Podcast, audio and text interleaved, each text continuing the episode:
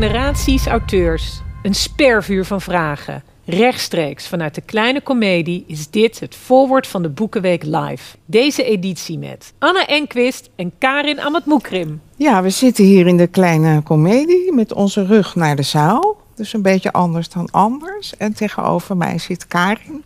En wij gaan met elkaar uh, gesprek voeren. Spannend, hè? Het is, ja, nou leuk. Ja. Het is de bedoeling dat we elkaar introduceren.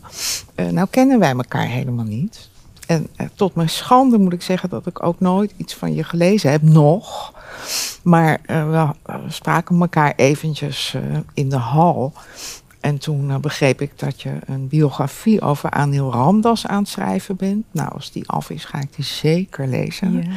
En ook dat je van plan bent om de geschiedenis van Suriname te schrijven. Ja, dat vind ik echt een geweldig project. En onbegrijpelijk dat dat nog niet gebeurd is. En wat ik gehoord heb ergens, en wat ik ontzettend leuk vond, is dat jij ooit een uh, uh, Suske en Wiske bundel geschreven hebt. Ja. Is dat waar? Ik heb een Suske Wiske geschreven. Ja. Met Hanko Kolk. Ach, en dat is zo'n aardige man. Het is zo'n leuke ja, man. Ja, ja. Echt ontzettend leuk. Hij is volgens mij uh, met mijn Franse vertaalster. Ik oh. kom ze wel eens samen tegen. Okay. Hele aardige man. Ja. Een kleine wereld. En die vrouw is ook heel aardig hoor. Ja. ja, nee, dat was een leuk project. Maar vertel eens over die Suske en Wiske. Het was voor een goed doel. Uh, oh. Ja, en dan hadden ze dus uh, schrijvers uh, gekoppeld aan bekende uh, striptekenaars. Ja. En de opbrengsten gingen naar SOS Kinderdorpen. Oh. En ik vond het ontzettend leuk, want ik Ja. dacht, ik heb hier nog nooit uh, natuurlijk over nagedacht. En ik las heel veel Suske en Wiskes vroeger Ja, dat vroeg ik me nog af, of, of het Ja. jeugdsentiment was. Ja, ik en zie werd nog het ook zo'n dikke? Echt zo'n- Nee, nee, want dat is heel veel werk ook om Ja, te dat schrijven. En Hanko heeft me ook, en- enorm veel geholpen, moet ik zeggen hoor. Want ik, het is een hele andere discipline natuurlijk. Strip schrijven. Ja, het lijkt mij een vak apart. Je moet er eigenlijk elk gedeelte eh, over. tekeningetje moet een grapje hebben ook. Daar, ga- daar ga je al. Humor is natuurlijk wel belangrijk in deze. Ja, en je hoeft met tekst maar weinig in te vullen. Hè? Want heel veel wordt natuurlijk verteld in de tekeningen. In de tekening, ja. En daar is hij natuurlijk vrij eh, geniaal in. Ja. Dus Ja. dat was heel leuk. En ik had toen al best wel wat boeken gepubliceerd. Maar dat was de eerste keer dat mijn moeder tegen me zei... Ach, wat leuk, ik ben zo trots op je. Ja, ja. Toen dacht ik, oh, nu pas. Ja, maar je moet, je moet het niet doen voor het applaus, weet je. Nee, dat is zo. Zo werkt dat gewoon niet, helaas. Want je hebt natuurlijk toch wel applaus nodig. Maar Helaas wel. nee, dat werkt niet zo. Maar ik, Nee. ik, ik vind het een eer en een genoegen om. En ik heb al gevraagd of ik je mocht tutoyeren om hier met, eh, met jou, Anna en Quist te zitten. En ik zat even te kijken op internet van hoeveel boeken je hebt gepubliceerd. Dat is een dertigtal inmiddels. Enorm, hè? Ja, en ik vind dat zo fantastisch. Dat is echt iets waar, ja, waar ik naar rijk natuurlijk. Eh, waar ik ook tegen opkijk en wat ook mijn bedoeling is. Op een gegeven moment zo'n lichaam achter te laten, zo'n oeuvre te hebben opgebouwd. Nou, je bent lekker op weg. Ik doe mijn Zo best. te horen. Ja. Maar ik En heb nog een lange weg te gaan. Als ja. ik die publicatielijst van jou zie, dan eh, denk ik, oh ja, ik moet echt nog wel eventjes eh, nog wat harder doorwerken. Maar het, het, het geeft heel veel, het inspireert ook heel erg, want het betekent dat er nog een heel gebied is wat je nog kan ontsluiten eigenlijk als schrijvend. Ja. Als ik dat, zo komt het dan op mij over, als ik dan zo'n enorme lijst met publicaties zie. Ja. Ja, ik denk als je goed bij je hoofd blijft, dan zijn er altijd wel weer dingen eh, die je blijken te interesseren. Ik weet niet hoe dat bij jou is, maar ik heb toch meestal ja, allerlei onderwerpen die je tegenkomt. Of dat nou door het lezen is, of door de, het nieuws, of, of gewoon door het leven. Dat sommige blijven bij je hangen. En dan merk je, god, daar denk ik nog steeds over. En dat is dan vaak een, een signaal van dat je daar iets mee zou kunnen Ja, hè? of moeten. want dat is de angst Ja. dan, dat die nieuwsgierigheid op een gegeven moment Ja. weg hebt. Ja, Of dat je dan verzadigd bent of zo. En eh, ik vind dat toch wel heel... heel Heb ik wel eens gehad hoor. Heb ik wel eens gehad. En eh, dat ik dacht, ja, ik wil zo graag een roman weer schrijven. eh, Omdat die discipline is zo lekker. Dat je elke dag verder kan breien aan iets. En dat ik gewoon geen onderwerp had. En toen dacht ik, ja, wat vind ik nou zelf eigenlijk heel erg fijn en leuk om te doen. En toen dacht ik, nou, strijkkwartet spelen met vrienden. Nou, toen heb ik een roman geschreven over een strijkkwartet. En daarna een vervolg erop. Want ik, was nog, ik had nog steeds geen inspiratie. dus je kan jezelf wel een zetje geven, toch? Ja, maar dat betekent dus dat het schrijven op zichzelf zo prettig en zo, Ja. Jij zoveel voldoening geeft. Dat je dan een ander. Ja, Nou, ik denk dat ik niet, niet per se het schrijven zelf, dat dat me voldoening geeft, maar vooral de, het isolement ervan.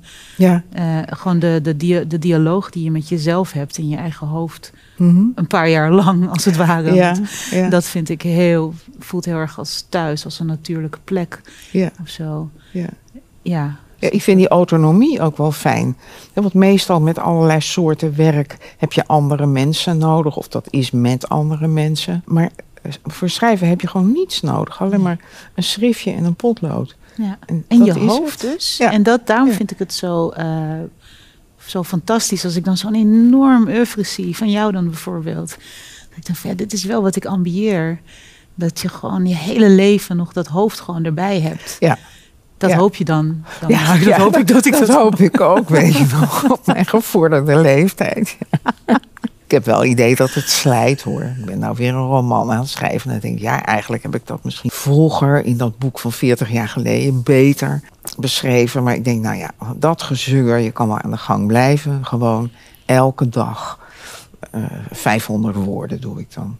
Oh ja? Ja. In de ochtend of in de middag? Of? Nou ja, ik heb ook nog een kleine psychotherapiepraktijk. Dus, Oh. En wanneer die patiënten komen, dat is een beetje afhankelijk van hun werk. Dus soms schrijf ik in de ochtend, maar soms als dat niet kan, dan doe ik het in de middag. Of dus nou het s'avonds nog eventjes. Ja, Ja. precies. Maar wel elke dag 500 woorden. Ja, ik zit het nou een beetje uit te smeren. Want ik denk, ja, hoe lang duurt het coronagedoe nog, weet je wel? En ik wil graag die roman hebben, die hele tijd. Dat ik gewoon een bezigheid heb. Ja. Ja. Maar het is, het is een advies, heb ik ooit eens heel lang geleden van Hugo Claus gekregen. Die zei, als je elke dag 500 woorden maakt, dan heb je elk jaar een boek. Kijk. Oh, Dat is, dat is goed rekenwerk. het is waar, het is waar. Ja, Zullen we een vraag pakken? ja goed, doe Ja, maar. zal ik die voor jou lezen? Ja, ja. Oh, kijk. Hoe begin je met het schrijven van een nieuw boek? ja, nou die Volgens mij hebben we al die al gehad, hè? Ja. Ja, gaan opzij. Wat is het beroemdste boek dat je nooit gelezen hebt? En hoe voelt dat? Oh, dat is zo'n gewetensvraag. ja, echt hè? Er zijn vast heel veel beroemde boeken die ik nooit gelezen heb. Ja, ik heb nooit Dante gelezen. Ook niet er doorheen gebladerd? Nee. Maar ik heb het niet eens in de kast staan. Ik denk dat ik hem in twee fout heb. Echt waar? Uit ambitie, ooit als student aangeschaft. Ja. ja. Eh, ik begin nu te denken, het zou best kunnen dat ik hem nooit... Ik heb hem wel doorgebladerd. Ja. Maar het, zijn, het is een gigantisch... Ja, het is veel natuurlijk. Ja. Dus ik weet ook niet of het er nog van gaat komen hoor. En Nee. jij, heb jij een. eh, ik een denk dat ik nooit boek Joy, James Joyce nooit heb gelezen. Oh, dat heb ik wel gedaan, ja. Ja? Is heel veel werk. Want dan moet je dus zo'n companion bijnemen, weet je wel. Anders dan begrijp je de helft niet. Ja. En je moet heel veel terug researchen weer naar Homerus en zo. Ik heb het ja, in mijn stu- studententijd gedaan. Dus toen een jaar of twintig was of zo. Dus ik weet er ook heel weinig meer van. Maar ik weet wel dat ik het heel erg leuk vond om daar zo'n tijd intensief mee bezig te zijn. Ja. Dus ik kan het je wel aanraden. Ja. Maar ja, als je ook die geschiedenis van Suriname nog... Ik heb de Koran geprobeerd te lezen. Oh, dat heb ik ook nooit gelezen. Maar dat, daar Nee. heb je ook een bepaalde handleiding voor. Omdat het niet eigenlijk Ja. niet eh, bij het begin begint, maar ergens in het Mhm. midden. En dat verspringt dan de hele tijd. Dus ik heb dat wel geprobeerd een tijd geleden, maar dat heb ik ook niet gedaan. Dat vind ik wel jammer eigenlijk. Sowieso religieuze teksten zou ik eigenlijk wat beter in willen zitten. Gewoon Ja. voor het begrip. Ehm, en hoe voelt dat? dat je Dante nooit hebt gelezen? Ja, ik, ik denk, ik heb wel wat dat betreft een soort eh, consideratie hoor met mezelf. En ik heb Ja. zo ontzettend veel ook wel gelezen. Bovendien, ik merk dat ik ook heel veel vergeet. Ik lees erg veel, maar ik vergeet het ook weer snel. Dus nu de boekwinkels zo moeilijk toegankelijk zijn, doe ik ook heel veel herlezen. En bij veel boeken denk ik, nou, ik kan me er niets meer van herinneren. En Herlees. s- soms zijn het ook, eh, is het ook heel welkom, is het ontzettend leuk. Ik denk, goh, wat was dat toch een goed boek. Andere keer denk ik, hoe is het mogelijk dat ik daar iets aan vond vroeger. Oh, echt? Ja. Maar is, ligt er dan niet nog steeds een grote stapel met boeken die, die je nog moet lezen? Nee, die is bijna op. Echt? Ik heb meestal een Oh. hele grote stapel. Ja. Maar daar ben ik nou bijna doorheen. Ik kan me niet voorstellen dat die, dat die stapel ooit opgaat. Maar wat, wat een prettig vooruitzicht. Nou, als ik weet dat ik er echt niet ga lezen, ja, die boeken die je krijgt en zo, Ja, dan eh, stop ik het op straat in zo'n kastje. ja. Leuk hè, die kastjes. Ja. Ik wil er eigenlijk één voor mijn huis. Iemand moet Dan dat kan je je eigen boeken kwijt. Ja, precies. Wat las je op de middelbare school? Ik herinner me heel goed dat ik Harry Mulisch voor het eerst las op de middelbare school. Ja. En dat ik, eh, Vond je dat wel? ik was heel, helemaal verliefd Oh, meteen. Ook omdat ik eigenlijk heel veel niet begreep van wat hij schreef. En eh, toen dacht ik, ik moet meer lezen en meer leren. Dan uiteindelijk begrijp ik wat dit soort schrijvers verstoppen ook in hun werk. Ik weet niet in hoeverre hij het echt heel erg verstopt, trouwens, achteraf gezien. Nee, want hij heeft nogal dat hij ermee Ja, hij showde nog op. Ja, ja. Dat is wel als ik aan de middelbare school denk en aan wat ik las, dan was het veel moeilijk. Ja, en jij? Ik las eh, Achterberg, weet ik wel. Ja, ik las Nederlandse gedichten. Ik had een hele goede leraar Nederlands. En die liet ons, dat, eh, liet ons ook hele bundels bekijken. En ook hoe die opgebouwd waren. Ja. En achteraf gezien heb ik daar zoveel aan gehad. Maar dat is iets, dat vraag ik me dan af. Hè? Niet om een eh, een pessimist te zijn of iets. Maar ik heb op de middelbare school enorm goed les gehad. Nederlands, Ja. literatuur, echt. En ook Ja. poëzieonderwijs, echt Oh, ja? gehad. En eh de deconstrueren van, van, een, van poëzie, van gedicht. Hoe dat zit dat in elkaar. eh, welk ritme heeft het, alles. En als ik Wat nu leuk. kijk naar de middelbare school van mijn, van mijn oudste dan bijvoorbeeld. denk ik, dat gaat vooral over grammatica. Dat. Zoals ik het me herinner was het in de eerste klas kreeg je grammatica. En als je daarna in je opstellen een dt-fout Mhm. maakte, kreeg je meteen een 1, bij wijze van spreken. Ja, ja, Ja, dus het was vooral literatuuronderwijs. Ja, dat was in mijn jeugd ook zo. Terwijl ik natuurlijk wel een stuk ouder ben. Maar ik weet wel, mijn zoon, die net zo oud is als jij... die heeft op een keurig Amsterdams gymnasium gezeten. En die heeft nooit één les over poëzie gehad. Nooit. Bizar. Maar wij kregen dat dus echt heel uitgebreid. Precies zoals jij het ook beschrijft. Van dat, je, dat je ook zeg maar, de, de tekst achter de tekst van het gedicht Ja. eh, moet bedenken. En ja, onbegrijpelijke gedichten. In mijn tijd was dat dan bijvoorbeeld Lucebert, weet je wel. Nou, dat wist hij dan zo te presenteren. Dat je echt in zo'n gedicht door kon dringen.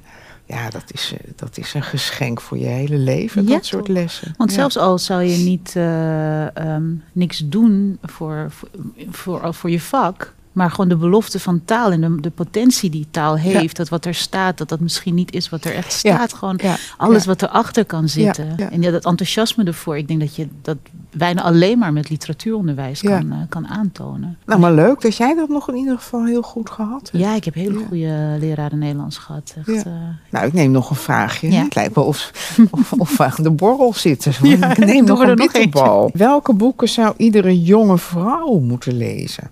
Jij daar ideeën over?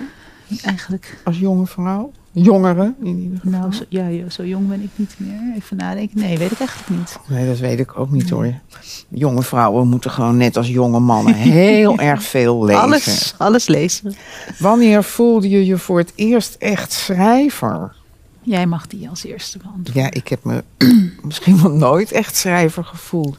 Want eh, ja, dat zei ik in de hal al tegen jou. Ik ben begonnen toen ik al 46 of 47 was. En daarvoor heb ik ook nooit ambities gehad om te schrijven. Want eh, ja, ik werkte al als psychoanalyticus. En eh, ik had ook conservatorium gedaan. Dus ik was eigenlijk altijd naast mijn werk met muziek bezig. Ik heb al heel lang op het conservatorium gewerkt. En ik heb nooit schrijver willen zijn. Het is eigenlijk toen ik niet meer tijd genoeg had om die pianotechniek bij te houden. Toen heb ik de vleugel dicht gedaan. Toen werd ik zo depressief dat ik gedichten begon te schrijven. Ja, zo is het eigenlijk gekomen. Dus het Dat is, waren dan de eerste gedichten die je Ja, schreef. ja. Nadat eigenlijk dat die, die ingang of die, uitge, die weg was afgesloten, Ja. min of meer. ja, ja, Oh, wat bizar. ja, heel bizar. Ook niet als eh, tiener. eh, Nou, ik denk misschien in die tijd dat ik die goede leraar Nederlands had, dat ik wel eens een gedicht schreef, zoals alle middelbare scholieren. Maar ook in de studententijd nooit. En het was ook helemaal mijn ambitie niet. nee. Dus ik was er eigenlijk wel verrast over, maar ook wel heel. eh, op een gegeven moment eh, had ik daar enorm plezier in. Ik dacht. eh, om die autonomie waar we het over hadden. ja. En ja, dat je zo helemaal je eigen baas bent. Dus je kan zo, heel- als klassiek pianist speel je natuurlijk wat die componisten geschreven hebben. En zo precies mogelijk. Maar als dichter bouw je zelf. En heb je dan nooit zelf muziek gecomponeerd ook? Nee, dat kan ik niet. Nee, nee. Dat is toch. Dat Ik schrijf nou wel een boek over een componiste. Dus... En dat heb ik ook heel plezier in eh, de stukken te ontwerpen die zij dan maakt. Weet je wel. Ja, Dat kan ik echt niet. dat Nee, lijkt me nee. zo. Dat, daar, daar zijn er. Ja, het is echt een hele andere discipline, maar ik vind dat zo magisch. Dat Ja, je, dat vind ik ook. dat je ja. klanken kan arrangeren Ja, en daaruit een beeld kan laten Ja. opstaan. Ja. Maar ik heb het wel eens met een componist over gehad die zegt: ja, maar dat vind ik met boeken hetzelfde. Ja. Hè, hoe je dat ontwerpt. ja.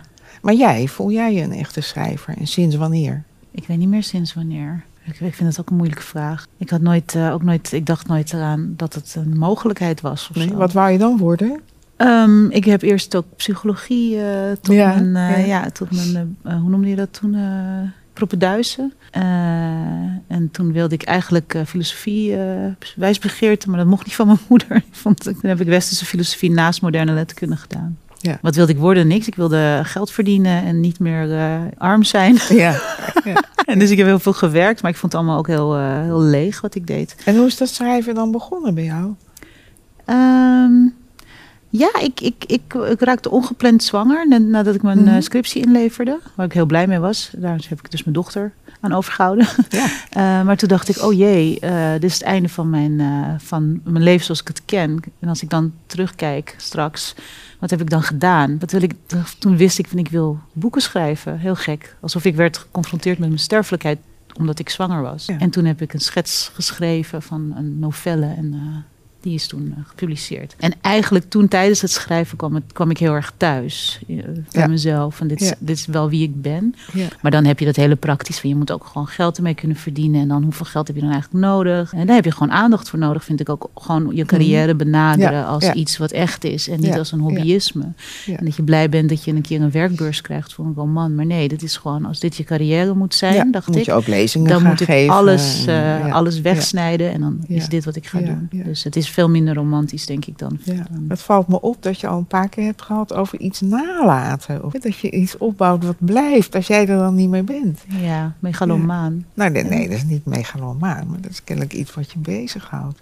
Toch wel. Ik vind het zo kort. Ik ben, me, het leven, Ja. dat, dat herinner Ja. ik me al, dat ik dat altijd al heb gedacht. Ja? Dat het zo vluchtig is. En ik dacht, ik moet alles, alles, alles eruit halen. ja. Zo, wat me is gegeven, moet ik echt gebruiken. Ja. En als het er dan ook na mijn dood verdwijnt, dan is dat dan maar zo. Maar dan heb ik in elk geval alles ge- gedaan wat ik kon doen. Ik heb niet geluierd of zo. Ja. Ik heb het niet verzaakt. Nee, ik geloof dat we geen van beide, van beide veel aanleg voor luieren hebben. Als ik dat als ik het zo, zo hoor. Nee, precies. Hebben we misschien nog tijd voor een vraag? Ja, nee, nog maar een vraag. Oh, dit is een hele persoonlijke vraag. We kennen elkaar helemaal niet. Wat waardeer je in de persoon naast je?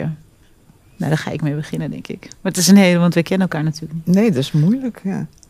Ik waardeer het eh, in, in jou als publiek persoon dat je bestaat voor schrijvers zoals ik. Dat je iets neerzet waar wij naar kunnen reiken. En ik waardeer het hier als persoon, persoon. Dat ik een, me heel erg op mijn gemak voel, ondanks dat ik tegen je opkijk. En dat ik het gevoel heb dat we overal over kunnen praten. En ook op een intelligente manier, zonder dat het verzandt in gebabbel. Ja. En dat was van meteen al zo net toen we elkaar ontmoetten. In make- de make-up. Ja. Ja, ik ken jou ook niet. En, maar ik waardeer in jou in ieder geval dat je het schrijversvak heel serieus neemt. En dat je eh, op allerlei verschillende terreinen je expertise toepast. Hè. Dat je zo'n biografie schrijft over een, een eh, ja, geliefde collega van ons. En dat je eh, over Suriname zo'n dik boekwerk gaat schrijven, wat gewoon heel veel werk is. En dat je dan daarnaast ook nog fictie maakt. En en de indruk, ja, je geeft mij de indruk dat je dat echt allemaal heel serieus en goed wil doen. En dan nog naast je moederschap. Maar je werklust en discipline. En, Dus dat vind ik fijn dat je dat zegt. Want te vaak, als we dan toch over mannen en vrouwen hebben, te vaak eh, word je als vrouw daarin toch wel enigszins afgeremd. Van nou, het hoeft allemaal niet zo nodig Ja, of zo. ja. En, eh, oh, als we het daarover gaan hebben, ja. Het lijkt allemaal tegenwoordig zoveel beter dan vroeger. En dat is het natuurlijk ook wel. Maar er is nog zoveel eh, wat niet lekker zit. Voor ja, ons. Ja, toch? Nou, ben ik met je eens. Oh, wie beschouw jij als je literaire ouders? Nou, ik heb altijd een enorme bewondering voor Gerard Reven gehad. Omdat hij zo eh, over echt hele ernstige en vreselijke dingen zo verschrikkelijk geestig kan schrijven. Die combinatie, dat vond ik geweldig. En ik, dat, ik kan dat helaas niet. Wie dat wel een beetje kan, is Frans Tomezen, vind ik. Maar ja, Reven, dat was voor mij altijd wel eh, het hoogtepunt qua schrijverschap. Maar als je dan iemand leest, ehm, dat, je dat, dat je dat zo inspireert, dat je ook een beetje zeg maar, die, die, niet die toon natuurlijk kopieert, maar dat het eh, een paar knoppen in jou indrukt, waardoor jij weer verder kan. Ja. Eh, Maar dat durfde ik ook niet. Want hij schrijft natuurlijk altijd heel erg gewoon over zijn eigen leven. En eh, nou, daar had ik helemaal geen zin in. Ik denk dat Nee. in die tijd dat ik begon, had, had ik ook een baan eh, bij het Psychoanalytisch Instituut. En toen was het nog zo dat je als therapeut of analyticus niet eh, persoonlijke dingen aan je patiënten, eh, hè, die mochten niks over je weten. Dus ik dacht al, god, als ze erachter komen dat ik schrijf, dan word ik ontslagen. Daarom heb ik ook een pseudoniem genomen. oh, daarom, dat, was, Ja. dat wilde ik je Dus, vragen. dus die, eh, die kant van Reven. Nee, ik had wel het gevoel van voor mij is dat niet weggelegd. Hè, die manier van schrijven en die onderwerpkeuze en die stijl. Maar eh, ik, vond, ik vond hem als, als stylist zo ontzettend goed Ja, en doordacht. En ook nog geestig. ja snap ik. En jij? Eh, Literaire ja, ouders? Ja, ik denk, ik denk dan meteen aan, eh, nou, aan, aan Saramago. Aan de een, op de een of andere manier, José Saramago. omdat hij heeft iets, iets, wat is het woord, iets brutaals, iets vrijpostigs. Hoe hij met taal omgaat. Dat, je, dat hij een zin gewoon gerust een halve pagina door kan Mhm, laten ja, lopen. ja, Waarmee ja, ik niet wil zeggen dat ik zulke zinnen wil bouwen. Maar het feit dat als je dat dan leest, dat je denkt van ja, dat kan natuurlijk gewoon. En, dat klopt ook in de context van dit boek. Eh, dat, vind ik, dat vind ik heel inspirerend. Dus ik merk dat ik vaak naar hem teruggrijp, eigenlijk om enthousiast over de materie te worden, over de taal te worden. Eh, dat iemand zo brutaal is om gewoon dat soort dingen te doen. En dan denk ik van ja, waarom zou ik me eigenlijk inhouden? Ehm, en datzelfde gevoel heb ik, maar dan met de verbeelding, heb ik dan met eh, Gabriel Garcia Marquez, denk ik, omdat hij dat magische realisme heel goed in de vingers had. Mhm. En eh, ook omdat ik ergens een beetje het, het, het, het gevoel heb van het Zuid-Amerikaanse, van Suriname. Oh, natuurlijk, natuurlijk, wat hij, dan, ja, wat hij ja. dan heel universeel op de een of andere manier heeft weten te maken. En die verbeelding en de altijd aanwezige, bijna een soort geesteswereld in zijn, in zijn boeken. Mhm. Eh, maar het heeft een beetje hetzelfde wat, wat, wat, wat eh, eh, Saramago heeft, namelijk ehm, de mogelijkheid. Het rookalarm. Nou, we nog even de vrouwen eruit kunnen halen. Kan jij nu een vrouw verzinnen? Nee, ik zat al te denken. Nou, eh, wat ik geweldig vond was Jane Cardam met die trilogie over die oude jurist.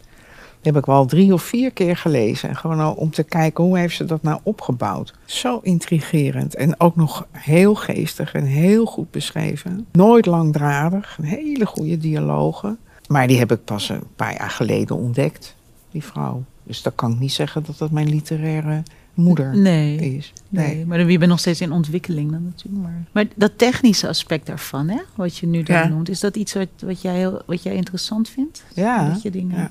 Mijn lievelingsschrijver is eigenlijk Thomas Bernhard. Nou, die maakt zinnen van drie bladzijden. En dat herlees ik ook heel vaak. En dan let ik op hoe doet hij dat nou. Ja. Het zijn allemaal muzikale middelen. Hij heeft die hele kleine interrupties van dacht hij, zei hij, Ja. dacht ik terwijl ik daar en daar stond. En dat, net als in muziek zijn dat de adempunten. En daardoor kan je zo'n zin van drie bladzijden Ja. heel makkelijk lezen. Ja. ja, te gek hè? Ik vind het zo knap. Helpt het dan als je zo, dat je zoveel weet van muziek, dat je dit soort dingen eh, toch een Nou, soort weet je, het, ja, het is mijn enige opleiding. Kijk, jij hebt Nederlands gestudeerd, dus dan leer je hoe je teksten moet lezen. Ja. Maar ja, ik heb muziek gestudeerd, dus ik weet hoe je naar een symfonie of naar een sonate moet luisteren. Ik denk dat het precies hetzelfde is. Ja. dit was leuk. Ja, het was een leuk gesprek, Ja. toch? Van, Het we zijn, de, nog het zijn de door betere interviews. Dat we zelf Ja. mogen bepalen. nou, wat we. Ja. ja.